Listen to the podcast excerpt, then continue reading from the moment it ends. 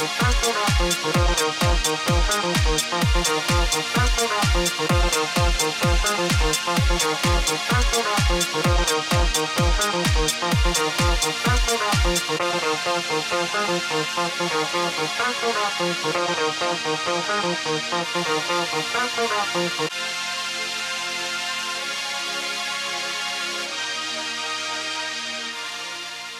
Välkommen till Danspodden Isadoras 20 avsnitt. Denna gång har vi träffat Göteborg kan man säga, eller delar av dansscenen som finns i Göteborg.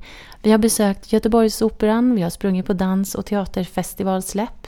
Vi har mött en koreograf, Matilda Lidberg, som sätter upp ett nutida modernt dansverk på den legendariska dansscenen Atalante, som by the way firar 30 år nästa år. Vi har blivit runtguidade på Atalante och vi har suttit ner med den konstnärliga ledaren där, Niklas Rydén. Det är fina möten som vi hoppas ska ge dig en känsla för den västra dansscenen och det som händer där. Häng med nu, för nu sätter vi oss med Niklas och Matilda. Nu sitter vi på Atalante och här träffar vi Niklas Rydén som är konstnärlig ledare här. Hej! Hej!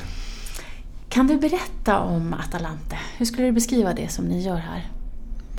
Atalante är en scen där vi både gör egna dansföreställningar och andra produktioner.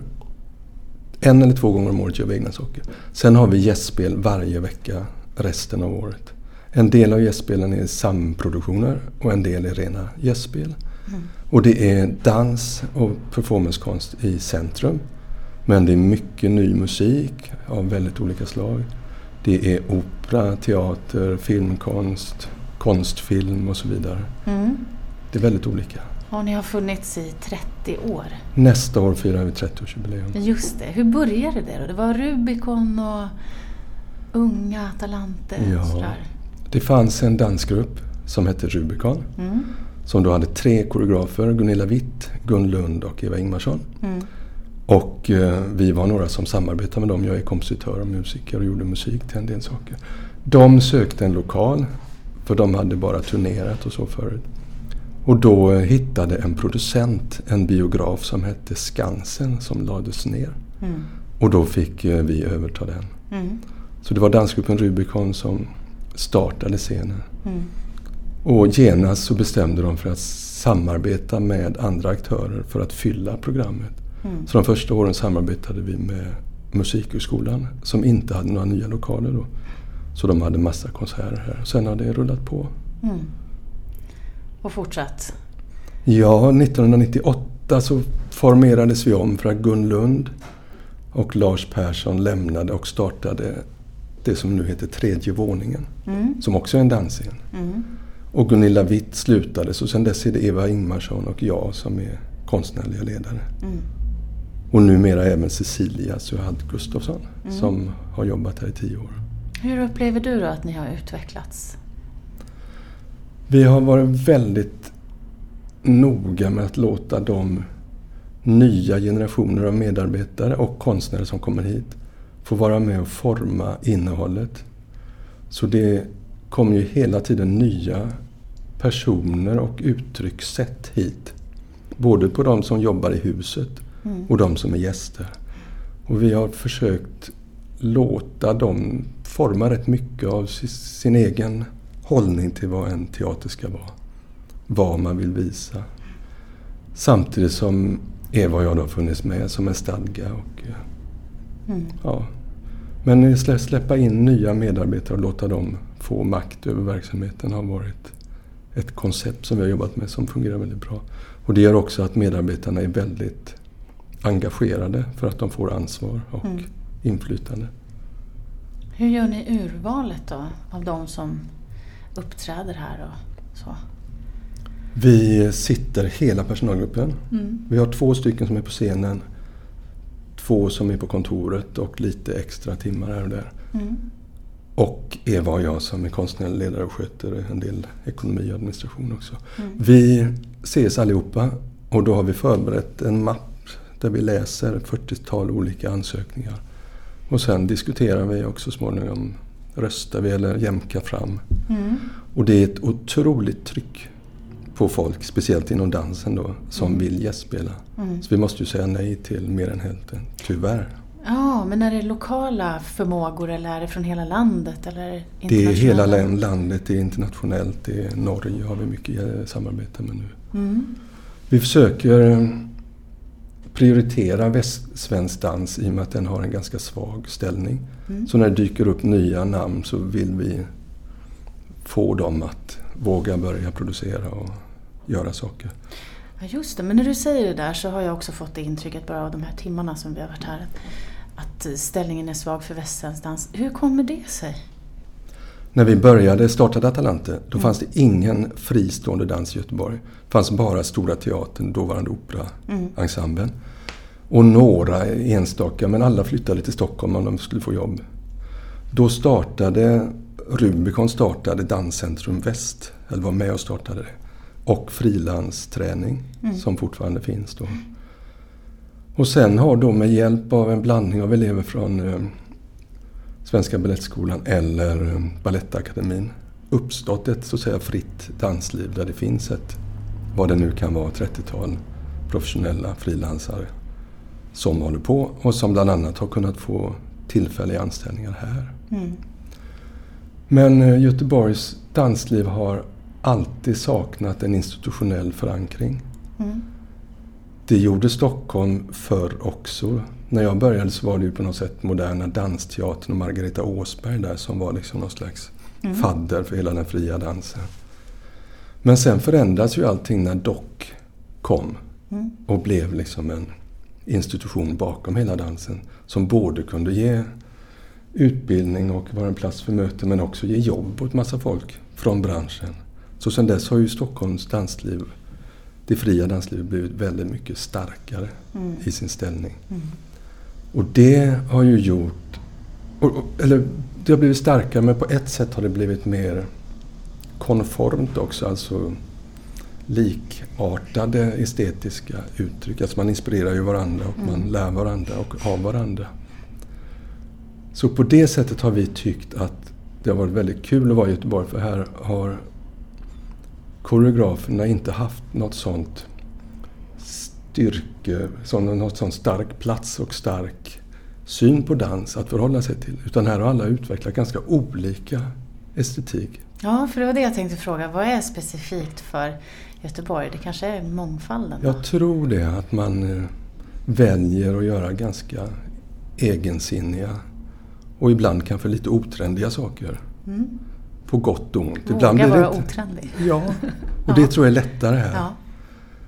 Och det kan ju ibland bli jätte mm, dåligt och ibland kan det bli väldigt bra. Mm. Och jag tycker nog att de som har hållit på länge då ändå har utvecklat tydliga spår i sitt konstnärskap som är väldigt personliga.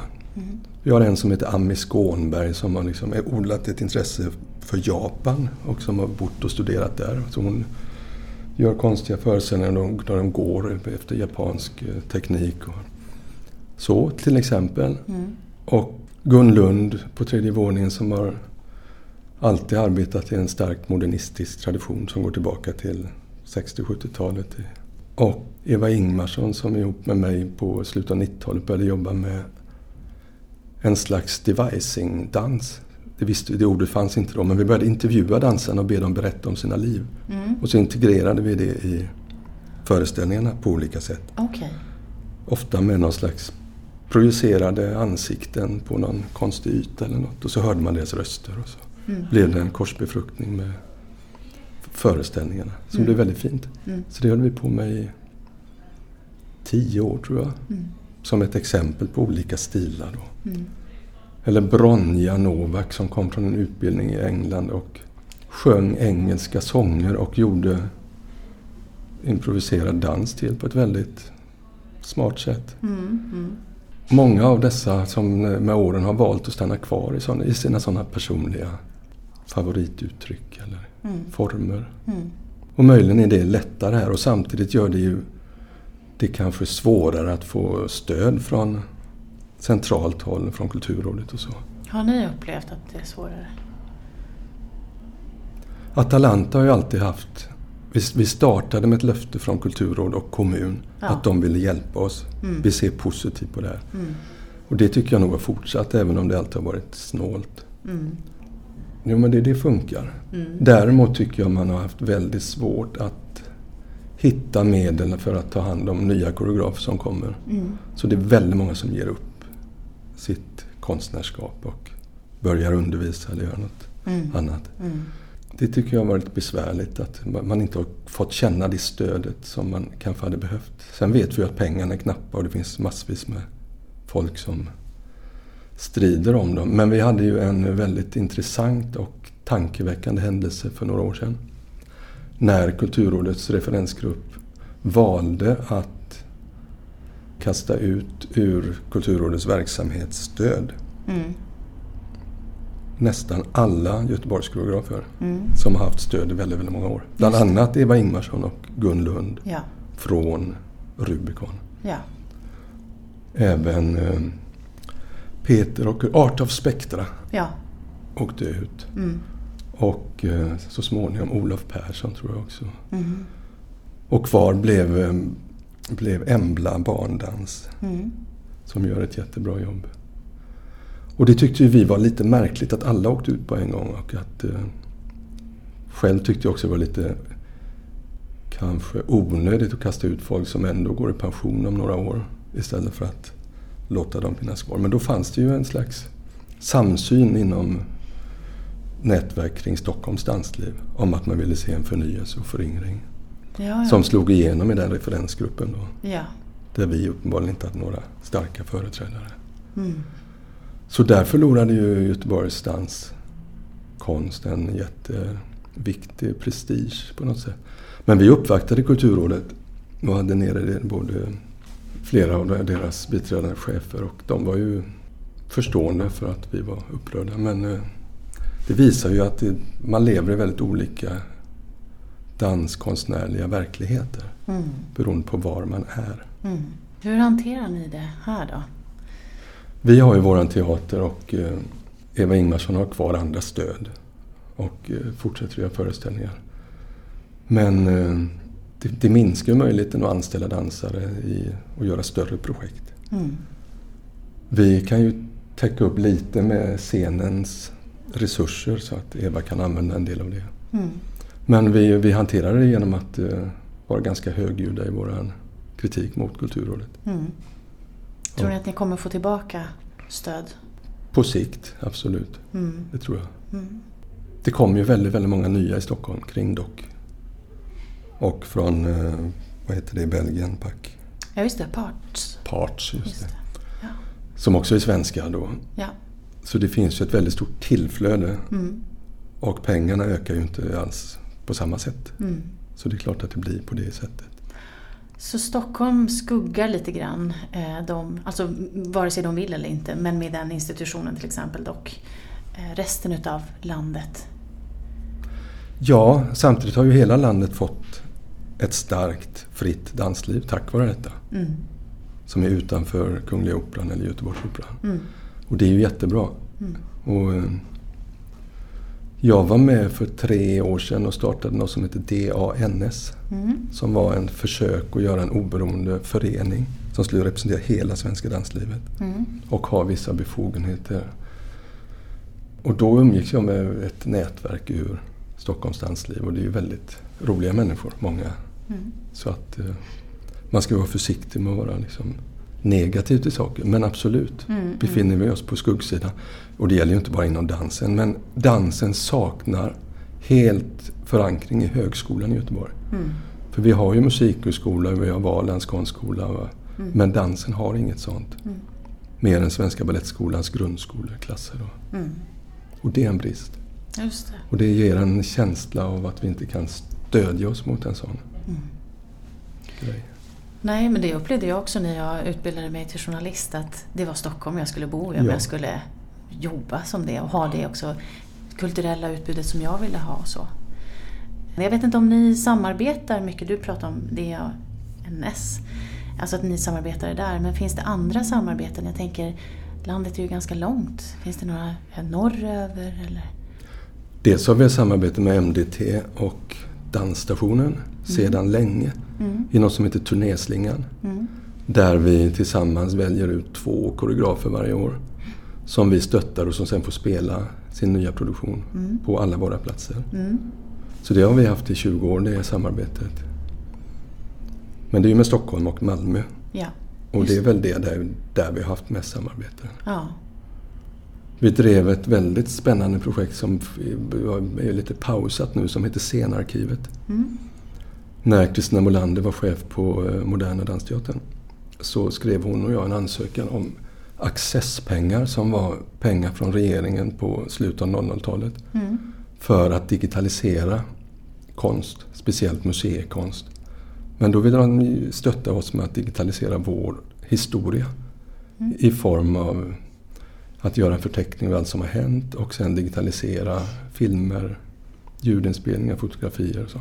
Så vi har byggt något som heter scenarkivet.se där Ja. man kan se 2200 föreställningar. Och en del av dem har videos och andra har bara info. Och det kan vem som helst. Det kan vem som helst, scenarkivet.se. Ja. Och där kan man söka på uppsättningar, man kan söka på personer eller på grupp.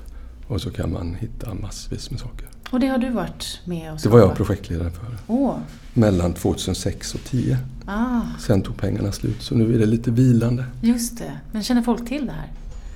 Så där, jag ska ha ett möte om två veckor med en företrädare för det nya scenkonstmuseet i Stockholm. Ja, För att diskutera om de skulle kunna använda detta just på det. något sätt. Ja. Som en portal in i en historik. Det låter ju fantastiskt med tanke på att väldigt mycket utav den konsten är ju flyktig. Ja, den försvinner ju bara. Ja, det är framträdandet och sen är det över. Och allting dokumenteras ju verkligen inte. Och jag har ju av olika skäl blivit nästan... Dokumentation har blivit en av mina viktigaste insatser här. Mm. Det började med att när jag jobbade, jag jobbade till exempel på Valands konsthögskola under en sjuårsperiod. Då började jag låna deras kamera för att filma våra föreställningar lite snyggare. Mm. Och sen när tekniken blev billigare från slutet av 90-talet så har vi filmat allt som händer här. Mm. Antingen jag eller någon annan. Mm. Och sedan fyra år så lägger jag upp allt som händer i sin helhet på nätet också. Mm. Så vi har en Vimeo-sida, eller Vimeo, Ja. med 350 föreställningar eller något. Som man kan titta på Mm. i sin helhet. Och det känns väldigt, väldigt, väldigt bra. Ja. Dels så har vi ju kanske 40 000 tittare om året. Där. Det är tio gånger så mycket som vi har Ja. live. Ja, ja. Och dels så vet ju jag att man gör en föreställning och man investerar massvis med konstnärligt och mänskligt kapital. Mm. Och sen är den borta efter två helger. Mm. Och finns inte. Nej, precis. Och då känns det så otroligt att kunna bevara det i någon form. Ja. Så det... Och många dansföreställningar är ju som sagt bara några dagar per scen. Alltså det är knappt som man hinner upptäcka dem innan de försvinner. Om man jämför med teater eller, Absolut. eller eh, ja i och för sig konserter är ju också en dag innan Men det är ju turné i alla fall och alla föreställningar, dansföreställningar turnerar ju inte. Nej. Så det är mycket investerad tid som går förlorad annars. Som inte tillräckligt många hinner upptäcka. Ja, det är hemskt. Ja. Men hur, vad skulle du, hur skulle du beskriva de som besöker er då? Vilka är det som kommer hit? Vi brukar väl poängtera att vi har två huvudmissioner, två huvudvisioner. Den ena är att nå publik Mm. med den här ganska smala scenkonsten som man ändå får säga dans är. Och eh, den andra är att hjälpa branschen att utvecklas konstnärligt. Så en del av vår så säga, målgrupp är ju dansare och koreografer och konstnärer. Där vi försöker skapa möten. Där vi försöker få dem att komma och titta på och prata om varandras grejer. Skapa nya samarbeten. Ha residens. Och, så det, det tar nog ungefär hälften av vårt fokus. Mm. Den publika delen har vi ju sett att det har vuxit fram en danspublik under 90-talet. Mm. Sen har ju de blivit äldre och nya kommit till som vi inte riktigt vet vilka de är. Vi har ju märkt att när vi får ny personal och nya artister från nya åldersgrupper så kommer det nya åldersgrupper hit också. Mm. Så vi har ju en publik som är allt från folk i 16 till 25 års åldern som är mycket inne i queer-politik och sånt där. Mm. Som kommer på vissa typer av projekt. Och ända upp till pensionärer som har blivit vuxna under modernismen och som älskar konstiga dansföreställningar. Mm. Vad vi har märkt är att det som jag kan... För jag trodde först att om man visar... Har vissa teman som vänder sig till musikpublik, vissa som vänder sig till bildkonstpublik. Så kommer de upptäcka dansen. Men eh, publiken är väldigt, väldigt tunnelseende i sitt val av genre. Mm -hmm. Går man på jazz på Fasching eller Nefertiti så finns det ingen som säger att man också skulle vilja gå på opera. För det är något helt annat. Just det. Och går man på performance som någon bildkonstnär gör på ett galleri så är det inget som säger att man skulle kunna tänka sig att gå på en dansperformance. Nej. Trots att det är ganska, jag som ser båda grejerna tycker det är väldigt likt. Mm. Men det är helt olika publiker. Mm. Och ibland kommer hela bildkonstmaffian hit då för att det är något sånt. Men det, det betyder inte självklart att de går på dans. Nej, vad, vad beror det på tror du? Förmodligen att man eh, är mer beroende av sina mänskliga nätverk än man kanske tror. För jag, jag, tycker nog när man pratar med folk, alla är ju intresserade av all slags konst. Mm. Men eh, det kanske är så att, att hänga med kompisarna är en väldigt viktig del av kulturlivet, jag vet inte. Just det. För jag är ju sån om jag åker till New York att jag både tittar på bildkonst och dans ja. och musik. Mm. Så. Just det. För jag tycker det är så, ja, det är ju samma grej fast på olika sätt. Sammanlänkade, ja. ja. Ofta inspirerade utav varandra. Ja, ofta samarbetandes. Mm, mm. Men, men upplever du att bildkonst och musik och liknande inspireras lika mycket utav dans och performancerörelse som vice versa? Ja, det tycker ja. jag. Och jag mm. tycker det vimlar av kompositörer, bildkonstnärer som bara drömmer om att få vara med och jobba på en dansföreställning. Mm. För de tycker det är så bra uttryck. Det är Men, jättehärligt att höra. Ja, det är det. Ja. Vad tycker du att ert uppdrag här är? Ja, vårt uppdrag är ju dels att vara en eh, katalysator för mm. västsvensk och svensk danskonst mm. genom att erbjuda en bra plats för att både producera och visa saker och som vi är väldigt noga med, ett aktivt mentorskap. Både på tekniska, sceniska lösningar mm. som vi har väldigt stor erfarenhet av, projektioner och datoriserade grejer. Mm. Till eh, produktion och ut, göra affisch. Eller konstnärliga spörsmål. Mm. Vi försöker vara aktiva på alla de planen. Och eh, då är vår vision att vi vill få dem som eh, påbörja sin verksamhet här i Västsverige. Mm. Att känna att de kan växa här mm. och få bli sedda. Mm. Annars är ju en gammal huvudvision. När vi startade Atalante mm. så fanns det ett ganska aktivt underground-liv i Göteborg som väl är ganska typiskt Göteborg. Det fanns ett skivbolag som hette Radium mm. där Carl Michael von Hauswolf var en av de tre. Mm. De hade varit inblandade i ett, något som heter Ny scen som var en obskyr scen för udda grejer som jag gick på när jag var 18 år. Mm. Den stängde. Då fick vi chansen att starta här och då kände jag att en sån här plats måste finnas i Göteborg. Mm. Så det är ju min grundkänsla. Mm. För när jag kommer till en annan stad så letar jag rätt på sådana här platser. Mm. Och hittar ofta rätt där. Mm. Och det är många, många som säger till oss att det är så skönt att ni finns. Mm. Jag hinner inte gå och det blir så sällan. Men bara känslan av att ni finns gör den här staden större. Mm. Så det tycker jag är en grundgrej som berör alla medborgare då. Vare sig man är intresserad av detta eller inte. Mm. Sen drabbades jag också när, jag var, när vi startade av en väldigt stark lust att låta fler människor upptäcka hur häftigt det är med det här som verkar så smalt och konstigt. Mm. För det är det ju. Och vi gör ju inte konstiga grejer för att de ska vara konstiga utan bara för att vi vill pröva nya sätt att uttrycka sig. Mm. Men man brinner ju av en vilja att kommunicera något. Och att då lyckas få fler att våga sig in här har ju varit en mission också. Mm. Genom att göra en mysig foajé och genom att ha ett tillgängligt språk när vi pratar om det vi gör. Mm. Och jag startade en tidskrift på 90-talet för jag ville kommunicera Mm. dansen och performancekonsten och den nya musiken. Ja. På ett sätt som inte var så högtravande som den tidens kultursidor ofta var. Mm. Mm. Just det. Och den höll du på med i åtta år? Åtta år, ja. Ja. Så vi blev en eh, ganska tongivande kulturtidskrift i Göteborg. Men ni finns inte kvar nu? Nej. Nej, det blev för övermäktigt eller? Ja, jag fick välja om jag skulle bli tidskriftsmänniska eller fortsätta som kompositör och så. Just det, och du berättade också att ni låter era konstnärer eller dansare eller artister mingla med folk här efter föreställningen. Kanske innan också, jag vet inte. Men de är tillgängliga här i alla fall på ett annat sätt än Vi har ju på andra scener. tyvärr ingen, eh, inga sidoutrymmen på själva scenen. Nej.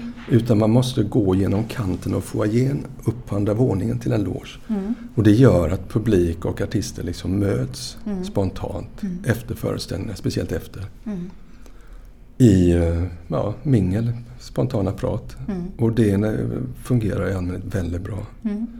Och som artist som har varit på scenen och vant sig vid att man uppträder och sen kan man gå ut och få en slags feedback som är på riktigt och öga mot öga. Mm. Jag kan bli väldigt frustrerad när jag idag uppträder på andra platser där det inte är så. Nej. Där det är liksom helt olika avdelningar, publiken och artisterna. Mm. Jag tycker det känns som att jag förlorar halva, halva kommunikationen. Just det. Upplever du att det är så på många ställen? Ja, Ja, så fort det blir lite större är det ju absolut så. just det. Och då har man sådana här publiksamtal och liknande istället. Och det kan ju vara fint men det blir ändå på ett annat sätt. Ja. Men eh, vad är din vision om du skulle få drömma eller önska? Jag skulle, precis som jag var inne på, vilja spela de föreställningar vi producerar här. Mm. Mycket mer, på fler platser. Mm. Det är till, till exempel jättesvårt att ordna ett gästspel i Stockholm om man inte har väldigt mycket pengar Mm. och kan hyra in sig bara. Jag skulle vilja att vi kunde ha ett dans och artistkompani där det var kanske, jag drömmer vore att ha heltidsanställda folk. Några dansare och några musiker och kanske någon konstnär. Mm. Som vi och eh, folk som kommer hit på residens kunde jobba med. Sen om det ska vara samma dansare och så hela tiden, det vet jag inte. Men att det fanns, att man inte var tvungen att finansiera varje Mm. dansare inför varje projekt. Sen skulle jag drömma om att det var jättefullt och att vi levde i ett land där liksom konsten stod högt upp i den allmänna agendan på ett sätt som jag tyvärr kan sakna då. Ja. Och ändå mer i Göteborg än i Stockholm. Det känns lite tråkigt att det ska behöva vara så. För det känns i en sån här tid till exempel när det är väldigt turbulent i världen så känns ju kulturen viktigare än någonsin som en motbild. Och att den då har så svag ställning i svensk maktelit tycker jag är märkligt. Vilka tycker du vi ska inspireras av då? Nu är det nästan en ledande fråga känner jag här. Ja, jag tänker ju mig att det på kontinenten är lite mer fint att liksom hänga på operan eller vad man nu gör. Mm. Eller gå på ett galleri. Mm. När jag var i New York för några år sedan så eh, tyckte jag att så, så fort man började prata med någon, det var ofta kostymklädda så här i någon Mm. bar. Oh, where do you come from? Alltså, ja, vad gör du? Ja, men jag har en teater. Wow, you have a theater man. Mm. De var så de var impade så fort det handlade om kultur. Just det. Det vet jag inte om det är generellt, är det väl inte så i USA, men i New York känns det så. Ja, ja, just det. Det är hög status. Är det det här då? Nej, tycker jag inte. Nej. Ja, men det, kulturellt kapital får man ju. Mm. Oj, då jobbar du som kompositör. Men Mm. Inte inom, inte inom eh, den verkliga makt, makten över, över liksom agendan, vad man pratar om och så. så Nej. Och finansiellt, alltså där pengarna finns. Nej, men det är ju så. det är inte här om man ska följa dem. Och pengar finns ju, som vi ser på nybilsförsäljning till exempel, Mm. mer än någonsin i Sverige. Mm. För det gör det. Så det är där de hamnar. Ja. Så lite mer kunde ju gå till den fria konsten tycker jag. Just det. Och där har jag slagits för, ända sedan jag började intressera mig för kulturpolitik, Mm. så har jag varit fascinerad av det faktum att av de eh, 16-20 miljarder som satsas av stat och kommun och landsting Mm. på konst och kultur, eller framförallt konst, så går ju högst en tjugondel till konstnärer som är verksamma utanför institutioner. Mm. Resten går till institutioner. Och det har jag haft som en eh, idé att kunde man bara öka de här 5 procenten till tio så skulle ju hela det fria konstlivet och alla fria grupper få dubbelt så mycket. Mm. Och det är, inte så, det är ingen jättestor bit av hela kulturkakan. Nej, tror du det kommer att hända då? Under din tid? Det verkar inte så. Stockholms stad höjde nu Ja. ganska rejält. Det var ju väldigt roligt. Mm. Men det är där det händer. Men eh, vi har haft Västra Götalandsregionen Mm. som har varit väldigt aktiv och som också har skjutit till pengar Mm. till det fria. Och där har det under mina år tyvärr blivit så att de projektmedel man kan söka om man inte är väldigt etablerad Mm. har minskat både på Göteborgs kommun och på konstnärsnämnden. Och tror jag på Kulturrådet, alltså man får ofta lägre summor än man fick Mm. förr. Mm. Förr kunde man få 250 000 för ett projekt från Göteborgs kommun eller konstnärsnämnden. Mm. Nu får man ofta 100 och det har, det har ju inte blivit billigare att Nej. göra konst. Nej. Jag tror att man har låst mer pengar på verksamhetsstöd Mm. för att det har kommit så många nya som har tagit allt som har funnits dit. Men det gör att det finns färre rörliga medel. Mm. Mm. Så det är ett problem. Mm. Men möjligheterna då? Vilka möjligheter ser du? Dels så tycker jag som jag sa i dessa tider att eh, konsten är en otroligt viktig motbild mot alla svåra saker och konstiga saker som händer. Och här jobbar man hela tiden med att hålla en medvetenhet om viktiga idéer levande på olika sätt och kommunicera det till andra människor. Mm. Och man, man skapar också en motbild av att all, allt, allt man gör, gör man bara för att man ska tjäna så mycket pengar som möjligt. För så är det inte inom konsten. Och det är en väldigt viktig motbild. Att man visar på det. Fler och fler tycker jag... Jag, tycker att konsten och kulturen har en större del i människornas vardag och liv än förmodligen någonsin tidigare i Sverige, trots allt. Mm. Jag har till min glädje kommit på något så självklart som att alla människor lyssnar ju på musik. Mm. Alla ser ju på film och tv-serier. Mm. Det är väldigt svårt att hitta någon som inte gör detta. Ja, det är ofta mer kommersiell musik eller amerikansk såpa. Men vi som är i det professionella konstlivet då är ju ändå en slags tillväxtplats för hela kultursektorn. Mm. Och är en viktig spetsforskning inom det området, även om våran publik inte är jättestor. Mm. Och det tycker jag också att man ser att det är fler och fler som jobbar inom de här branscherna på olika sätt. Vi har en utbildning här i Göteborg som heter Kulturverkstan.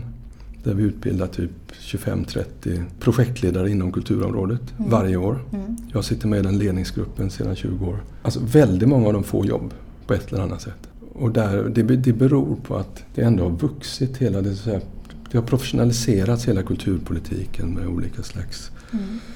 konsulenter och ombud och folk som håller på att fixa och dona och olika projekt som ändå får finansiering. Så jag tycker ändå att det, det händer mycket. Och sen så brinner jag för att fortfarande för att göra riktigt bra föreställningar som berör på djupet. Ja. Det tycker jag är häftigt. ja, vad bra att du säger det. Vilka föreställningar är ni aktuella med här nu? Eva Ingmarsson gjorde en i höstas där jag gjorde musik Mm. som hette Serkalo. Mm. Som blev en väldigt poetisk, nypoetisk föreställning. Vi gjorde mycket sånt på 80-talet. Det var väldigt vackert ljus och förtrollande. Mm. Sen har ju dansen tagit sig andra vägar och blivit mer, mer eh, konceptuell. Och ibland dansar man inte alls utan pratar med varandra. Och, det har ju varit väldigt spännande. Men nu tog vi ett steg tillbaka och gjorde något väldigt vackert igen. Ja. Med rök och ljus. Och, fast på ett nytt sätt. Mm. Det var spännande. Ja. Sen håller jag själv på sedan tio år med något som jag kallar för nyopera. Ja. Så jag skriver opera för sångare som inte använder operateknik utan sjunger på ett ganska vardagligt sätt. Ja. Och inte musikal heller utan som man sjunger visa eller... Ja. Så har jag utvecklat en metod för att skriva musikdramatik där man sjunger all text. Mm. Som en slags sjungen teater. Mm. Så nu håller jag på med mitt femte verk. Med New Opera Company kallar jag det, vår min grupp. Mm.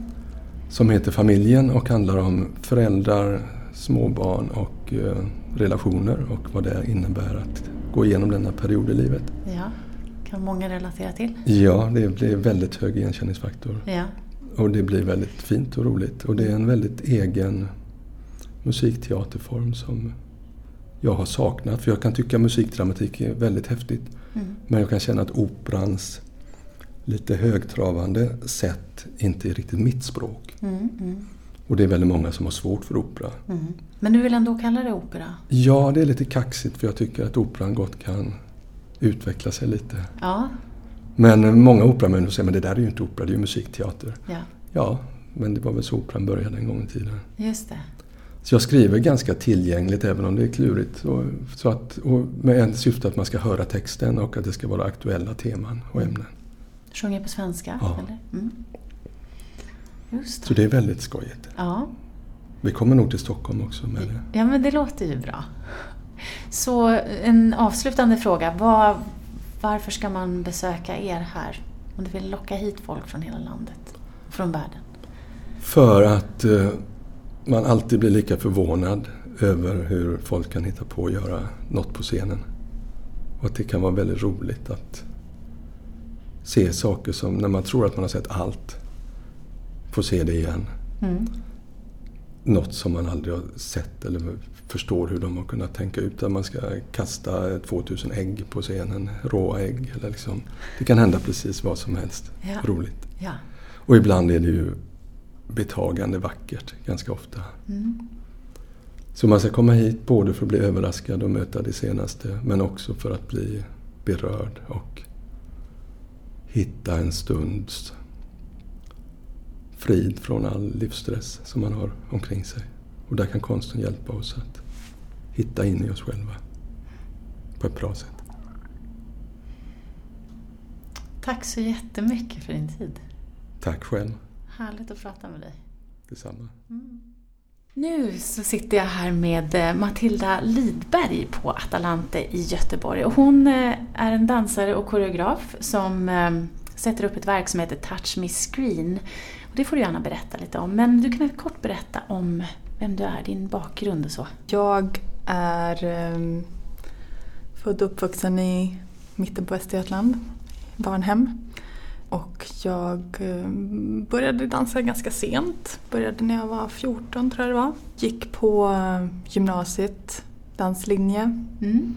och så. Tänkte väl att, att det skulle vara så här, leda in i något annat. Det gjorde det väl kanske inte direkt sådär.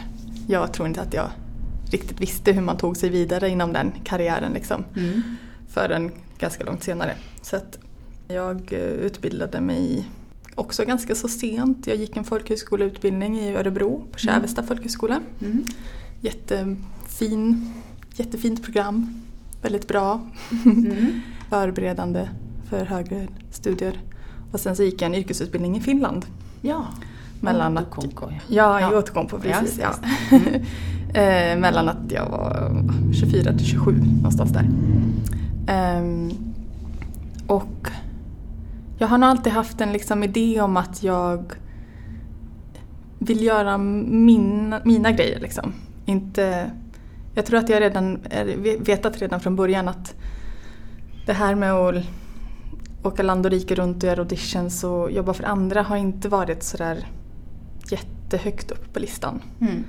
Också kanske lite kopplat till att jag var rätt medveten om att jag lite äldre när jag var klar. Mm. Så sen dess har jag hållit på med lite olika typer av projekt. Mycket av det har varit mm, edukativa kanske man kan säga, utbildningsmässiga sådär. Ja. Alltså en del, ett, ett av de större projekten som, som jag har varit med och skapat och drivit är ett som vi kallar Lyftet. Mm. Just det. Ja, Det var det från 2012. ja precis. Just Och det är jag tillsammans med en annan Göteborgsdansare som heter Paula de Hollanda. Mm. Vi kallar oss för Yada Yada Arts när vi jobbar tillsammans. Och lyftet handlar liksom om att försöka få människor att förstå att de har en större kapacitet än vad deras mm, sociala kön kanske tillåter. Alltså vad man tror att man klarar av och vad andra tror att man klarar av. Hur det är kopplat till ens kön. Mm.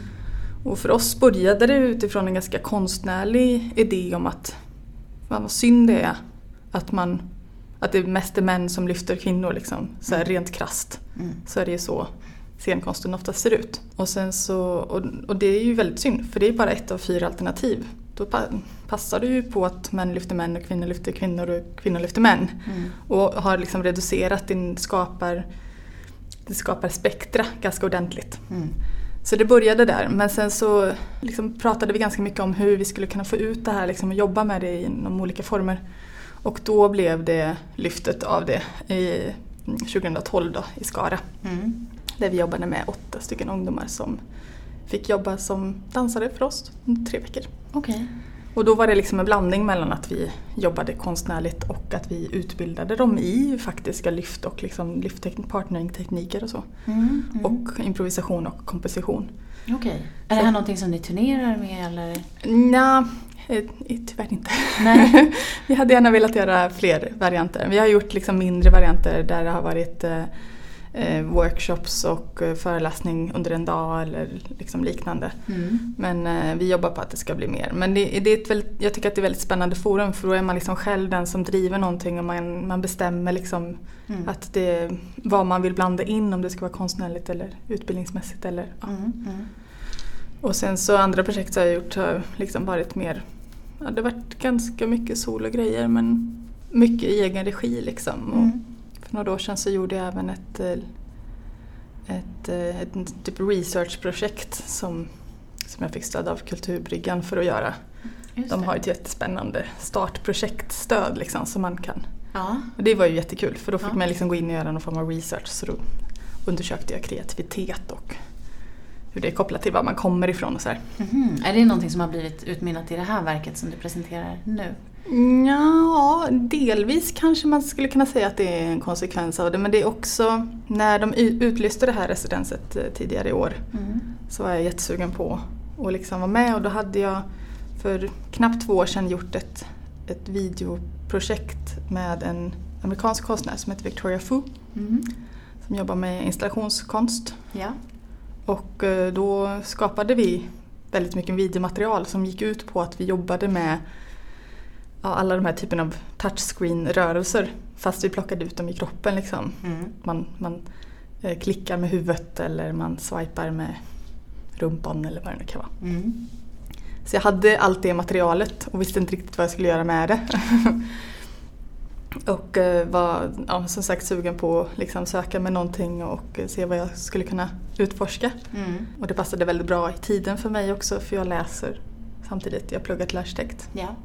så det var så här, ja men gud vad spännande, här finns det en lucka liksom där jag skulle kunna få gå in och vara lite kreativ. Ja. Och då mm, sökte jag med det här projektet som handlar om liksom, att utveckla det lite till en, en, en soloföreställning helt enkelt. Mm. Där videomaterialet spelar in och, och jag bollar med det lite så här, jag och videon. Just det, för det är du på scen. Det är jag på scen men det är även videoprojiceringar och Ja. så leker jag med lite olika koncept av, som bygger på touchscreen-språket men också väldigt mycket, alltså det, det, det, det fäller ju ut i den här idén om ja, men Facebook-flöden eller eh, liksom att vi är uppkopplade hela tiden och sånt. Och Så, ett beteende som vi har fått nu. Mm, Där mm. vi swipar. precis. Mm. Lite så här godtyckligt, swipa hit, swipa dit liksom. Med, med hela Tinder-grejen också. Ja, jag tänkte det.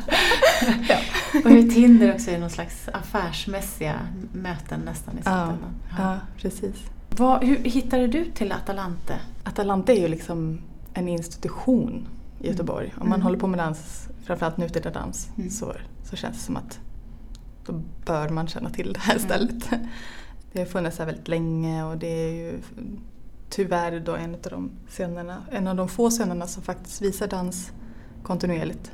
Nu har vi tredje våningen öppnat också som ju också fokuserar mycket på dans. Men sen Pustervik la ner och flyttade över till Storan och så, så är det bara det här som Mm. finns för fria konstnärer. Mm. Så det, det, ja, nej, men det, det är ju jättespännande. Jag har dansat här en gång för länge sedan tillsammans med en annan koreograf. Mm. Och det är stort liksom. Det är någonting ändå med Atalante. Mm. Man, har, man håller på med just nutida dans. Just det. Mm. Men hur är det då? Du jobbar ju ganska länge med verket och sen så är det över på några dagar. Alltså jag tänker man visar det och så vad händer med det efter den sista Ja. föreställningen? Ja, jag, själv tycker jag inte att det är speciellt länge. Två veckor är väldigt kort tid. Som du har jobbat med det här nu? Ja. Ja, just det. Mm. Okej, men i vanliga Mm. fall så jobbar man ju ganska länge med en föreställning innan man... Ja, om, om man har råd. just det. Och jag har ju varken haft egentligen tid eller pengar till att börja med det här tidigare eftersom Mm. jag fick reda på det i januari att jag skulle få vara här Just det. under de här veckorna. Så det, Två vet- veckor och sen Ja. har du några dagar. ja. Ja. Hur känns det då? Det känns, eh, det känns ändå så här, det är någonting med just att man får vara på Atalante som ändå är eh, spännande för det finns en sån stor resursbas här. Liksom man får, jag får så himla mycket hjälp och, och göra, visualisera det som göra liksom en riktig föreställning Ja. som man ju oftast inte har råd att göra. Liksom. Då får man ju stryka ner saker och så skiter man i ljus och så skiter man i det där och så skiter man i det. Mm. Och här finns liksom allting och det är, jä- de är så himla fina liksom och hjälper till med allting. Och, och det finns också, tror jag, som jag har förstått det, ett liksom en eh, vilja i de här, det här residenset, ny koreografi som det heter, att liksom eh, hjälpa till. Att det ska kanske, att man får ju massa videomaterial och man, man, får, liksom, man får ju ändå Atalantes liksom stämpel på något sätt att det har satts upp här så att Mm. man kan liksom försöka sälja in det till andra ställen. Mm. Så det hade varit jättekul att spela något mer. Det ska jag absolut försöka mig på. Mm. Och kanske också hitta mer tid liksom och få jobba, jobba igenom det mer. För nu blir det ju liksom ändå, det blir ju det det blir på två veckor. Ja. Men vilken är din, vilka vill du ska komma hit? Oj! Egentligen vem som helst. Mm. Jag, jag gillar ju att jag gillar att folk slänger sig in i dans lite sådär. Jag vet att det kan vara lite läskigt för att vi utsätts inte så himla mycket för framförallt modern dans. Nej. Men jag hoppas liksom att det här temat någonstans ska fin- att det ska finnas en form av igenkännande. Och jag hoppas också att verket ger någon form av liksom lite absurd komisk liksom eftersmak. Mm. Och på det sättet hoppas jag att det ska kunna locka i princip vem som helst. Liksom. Jag har ju kanske en, en starkare känsla för att den utredda dansen ska nå ut till så många som möjligt än att vilja vara provocerande. Mm. För då stänger man in sig liksom lite i ett hörn. Mm. Så jag hoppas att det ska vara ganska många som kommer. Jag har ju en del klasskompisar som såklart Ja, kanske ja, så här, Chalmers versus konstvärlden liksom. Det kanske finns en potentiell Men kommer du att fortsätta dansa sen då? Eller kommer du att ägna dig åt arkitektur? Nej, nej ja, det är liksom det som är planen, att, det ska, att jag ska blanda det. Mm. Mm, och jag tycker att det är ett ganska trevligt sätt att liksom, man fundera på vad man vill jobba med och, och sen så göra det ett par veckor eller en månad eller vad det nu är man har liksom tid till. Mm. Och få göra det fullt ut och sen så kanske kunna gå tillbaks till ett, ett jobb som också är ganska projektbaserat. Mm. Mm. Just det. Mm. Men tack så hemskt mycket för din tid. Ja, det var så lite så. Mitt i repetitionerna. Ja. Tack. Tack själv. Det här var bra gjort av dig. Du har lyssnat igenom poddavsnitt 20 av Danspodden Isadora och vi som gör den heter som vanligt Niklas Reimertz och jag Anita MTN. Så om du vill ge oss feedback eller liknande tips eller annat så kan du mejla oss på isadorapodd.gmail.com Isadorapodd med ett D. Vi heter också Isadorapodden med ett D på Insta. Och vi kan också följas på Facebook eller Twitter. Vill du så kan du prenumerera på oss på iTunes. Det tycker jag du ska göra för då slipper du hålla koll på när vi kommer ut även om det är varannan torsdag. Du kan också lyssna direkt på oss via Soundcloud eller i Acast. Men tills vi hörs igen så tycker vi att du ska se filmen Nicky och Martha för det ska vi göra. Adios!